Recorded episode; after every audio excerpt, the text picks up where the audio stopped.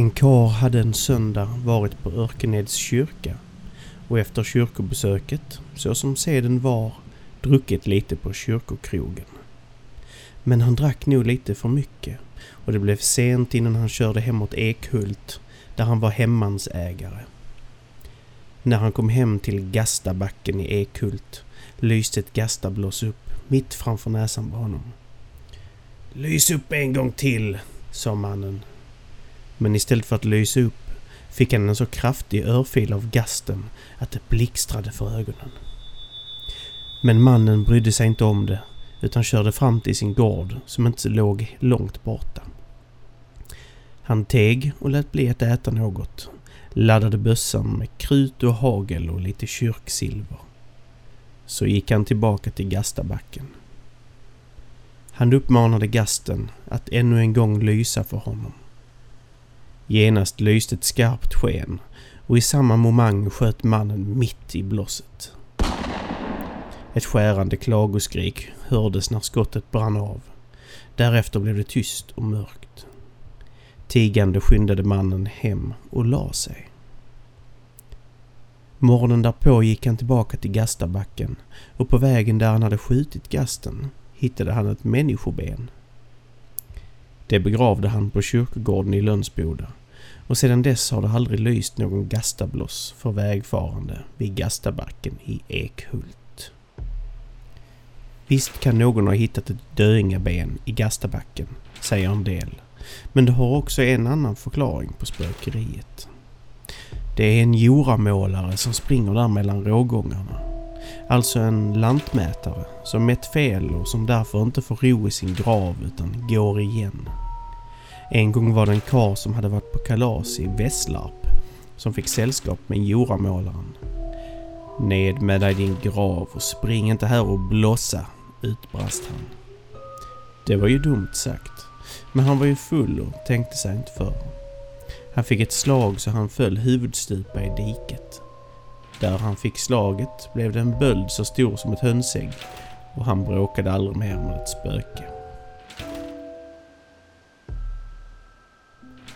Så skriver Per Gustavsson i boken Göingesägner. Och dessa sägner är varken unika eller isolerade till Göingebygden. Sedan urminnes tider har människan sett oförklarliga ljusfenomen under jorden, i skog och mark och inte minst över himlavalvet.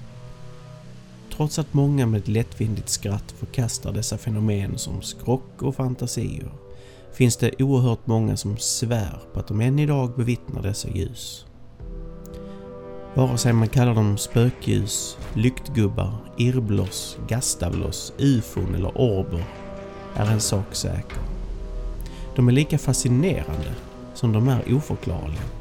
Och i detta avsnitt av Folkpodden ska vi besöka några platser världen över där man fortfarande sägs kunna få en glimt av dessa mystiska fenomen.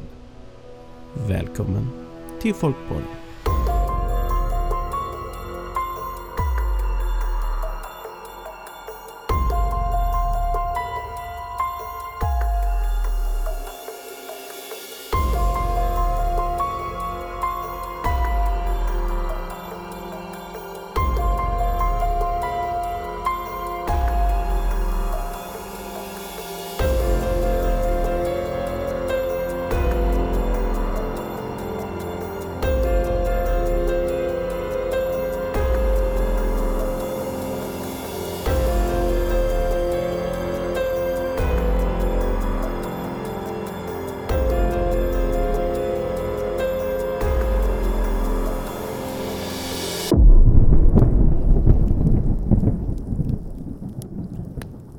Norra Gotland samlas varje år mängder av åskådare längs en ödslig landsväg i skogen.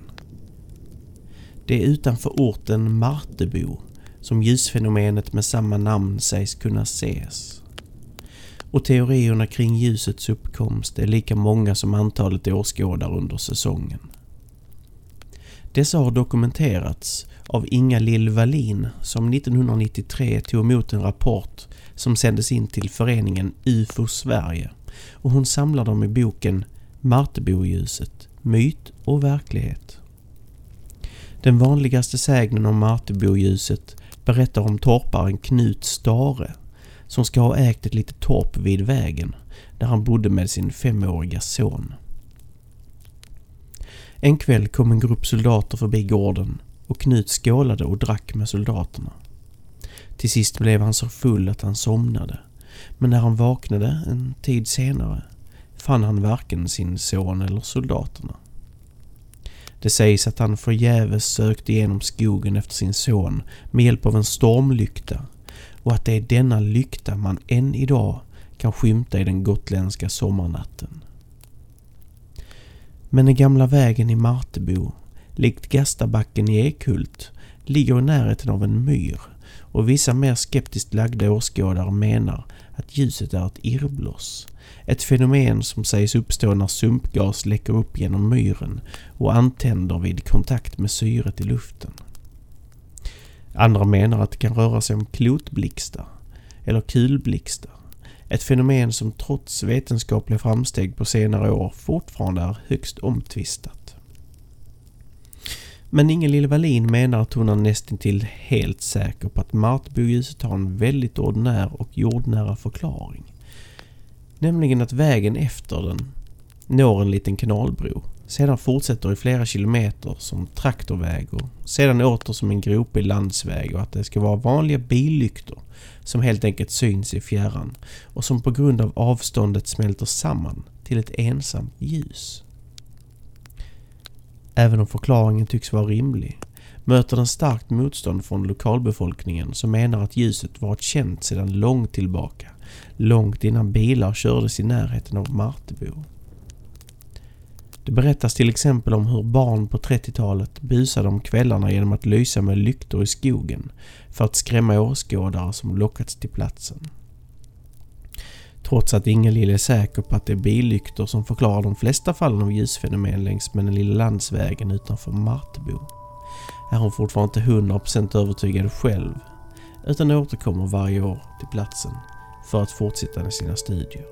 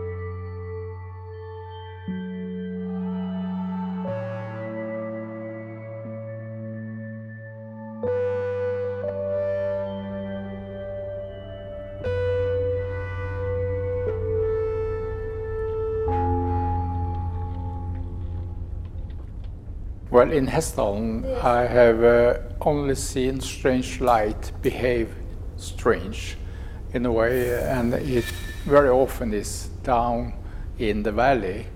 Uh, of the most interesting parts, though, is down in the valley. And the first observation had made a good, very strong impression on me because uh, it was much stronger or much more intense in the light than I would expect. And uh, on, it was going on for one and a half hour, moving slowly around, stopping, moving back again, stopping, going up and going down. And sometimes it was so strong that it illuminated the ground. Um, and uh, so that was, that was, I remember it very well. I've seen also the light in Hesdalen several times. So, but in Hesdalen I have seen only the lights though, which behave strange in a way they can oscillate, they can uh, spit out, move out a smaller piece of light from the main light. It can attract smaller piece of light into the, and it can have different shapes. Ja, vi hörde norska Erling Strand berätta om Hästdalen och Project Hästdalen i ett ryskt tv-program. I norska Östfold hittar vi ett av världens mest kända och oförklarliga ljusfenomen. Det är nämligen här i Hästdalen som man sedan 1981 bedriver Project Hästdalen. En forskningsstation som ämnar att förklara fenomenets uppkomst, vad som i vissa fall kan beskrivas som beteende. Det finns flera olika varianter av ljuset som beskrivits av åskådare på plats. Det första är ett blåaktigt ljus som rör sig högt upp, i höjd med bergen eller högre och varar i regel några sekunder. Det andra är ett gulaktigt ljus omgivet av ett rött sken. Detta ljus rör sig i regel längs med bergen och dalgången i en något lägre vinkel och varar blott några sekunder. Det tredje fenomenet är ett klotformat vitt eller gult ljus som visar sig relativt högt upp på himlen och ibland svävar stilla. Ibland sjunkande mot marken och ibland svävande uppåt. Detta ljus har observerats i mer än en timme åt gången och skiljer sig således kraftigt mot de andra. Ett fjärde fenomen som observerats är ett svart objekt omgivet av svaga ljuspunkter men väldigt få sammanhängande detaljer finns om detta fenomen. Eftersom att det rör sig om märkliga ljusfenomen är det naturligtvis på nattetid som det vanligtvis observerats. Men i början av 80-talet förekom även observationer dagtid, då av flygande objekt. Tyvärr finns inga bilder av dessa, men mängder av bilder och videoupptagningar har gjorts av ljusfenomenen. När de första rapporterna gjordes mellan 1981 och 1984 och Project Hästdalen skapades gjordes cirka 20 observationer i veckan och fenomenet blev snabbt en stor snackis i ufo-kretsar världen över och Hästdalen fick celebert besök av J. Allen Hynek som utforskat ämnet åt amerikanska militären under projektet med namn Project Paperclip. Snart 40 år senare fortsätter Hästdalen att locka utländska forskare som alla menar att det inte råder några tvivel om att ljusfenomenet existerar. Samtidigt som teorierna kring deras uppkomst fortfarande är väldigt många. En sentida förklaring som börjar ta form bygger på områdets rika malmfyndighet i kombination med dess tektoniska och geologiska egenskaper som tillsammans med, än en gång, förekomster av myrmark tycks skapa en elektrisk laddning som av någon anledning antänds i luften.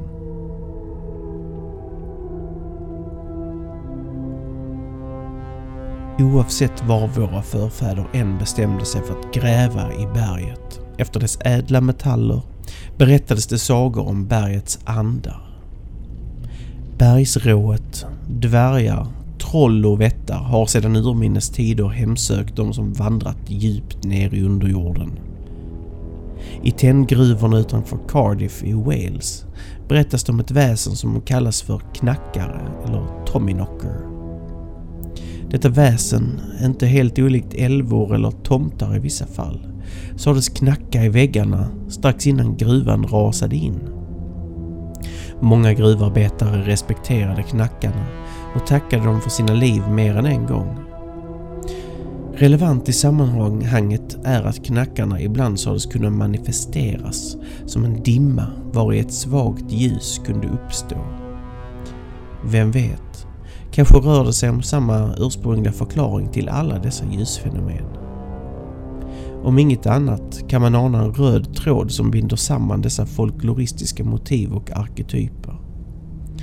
De walesiska gruvarbetarna tog med sig tron på knackare till Amerika, där man närmast ritualistiskt hälsade på och respekterade dessa väsen fram till början av 50-talet, då de sista guldgruvorna i västern stängde.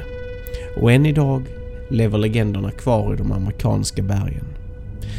Och det är just i USA som vårt nästa resmål befinner sig, nämligen North Carolina och världskända Brown Mountain.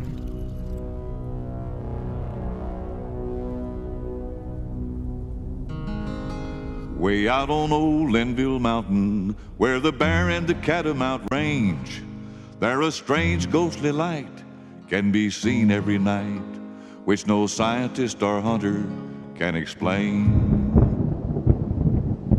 Utanför staden Morganton i North Carolina finns en utkiksplats som blivit känd världen över.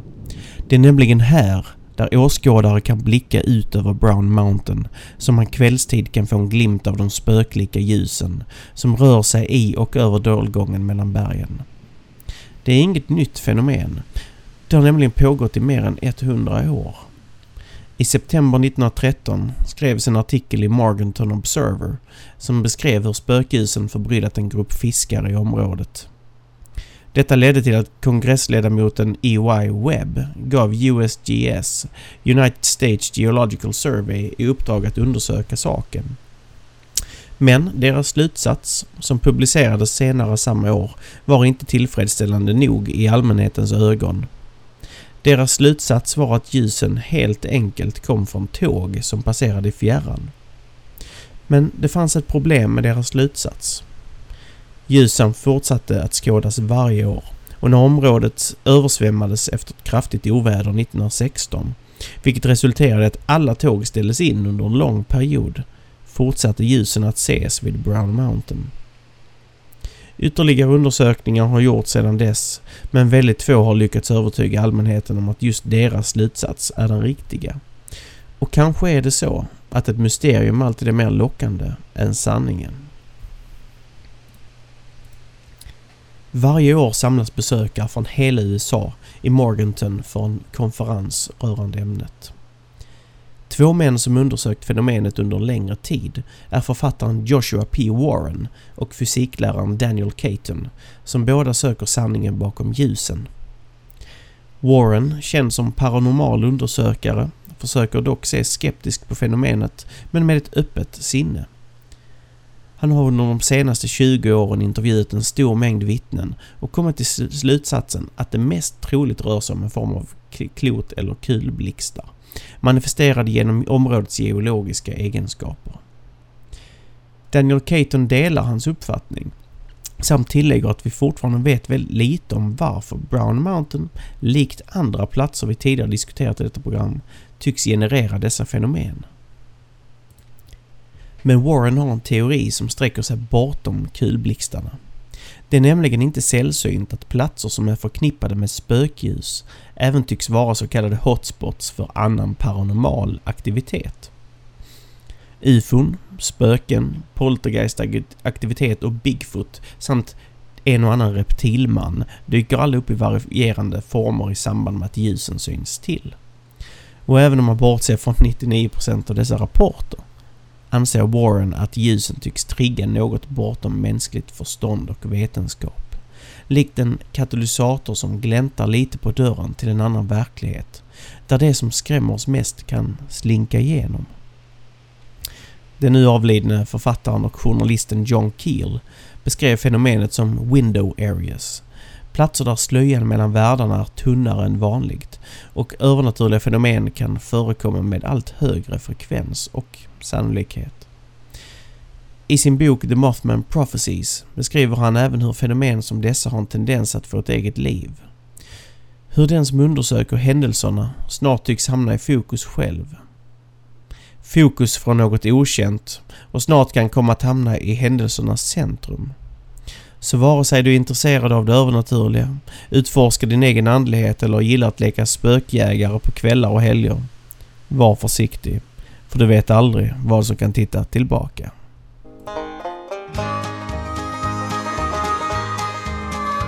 In the days of the old covered wagon When they camped on the flat for the night With the stars growing dim on the old high gorge rim They'd watch for that brown mountain light High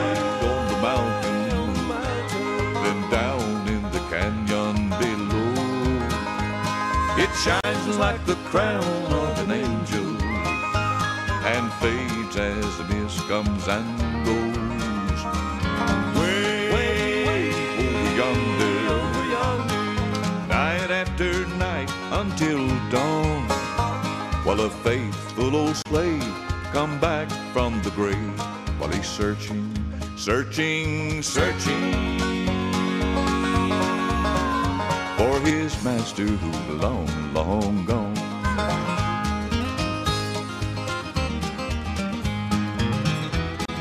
Long years ago, a southern planter came hunting in this wild land alone. And here, so they say, the hunter lost his way and never returned to his own. But his trusty old slave brought a lantern, searched but in vain day and night. Now the old slave is gone, but his spirit wanders on, and the old lantern still casts its light. Well, high on the mountain, then down in the canyon below, it shines like the crown of an angel, and fades as the mist comes and. Way over yonder, night after night until dawn.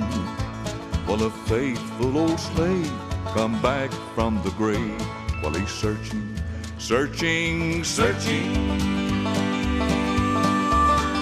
for his master who's long, long gone.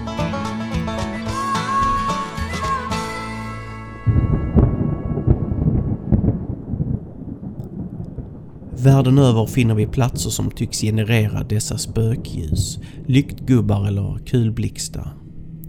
Vi har The Marfa och Saratoga Lights i Texas, St. Louis Lights i Saskatchewan, Kanada, Min Min Lights i Australien och eh, Naga-eldkloten längs med Mekongfloden i Thailand. Ja, det finns nog inte en gruva i hela världen som inte har åtminstone en gruvdam, ande eller troll som varnar och lockar gruvarbetare in i jordens inre. Och framför allt är det få platser som under historiens gång inte varit skådeplats för tragiska händelser vars legender lever vidare i form av spöklika fenomen med tillhörande sägner. Oavsett vilket är det viktigt att vi fortsätter att utforska och berätta om dessa fenomen. Om inte blott för vår, vår egen underhållnings skull, så för att förstå hur världen kan erbjuda så mycket mer än vad man kan tro vid första anblick. Du har lyssnat på Folkpodden säsong 3 avsnitt 1 Lux Mystica. Mitt namn är Linus Borgström och du kan stötta programmet genom att donera en slant via Swish eller köpa någon av de många produkter i vår webbshop. Länkar till detta finner du i beskrivningen nedan. Tack för att du har lyssnat och eh, så hörs vi snart igen.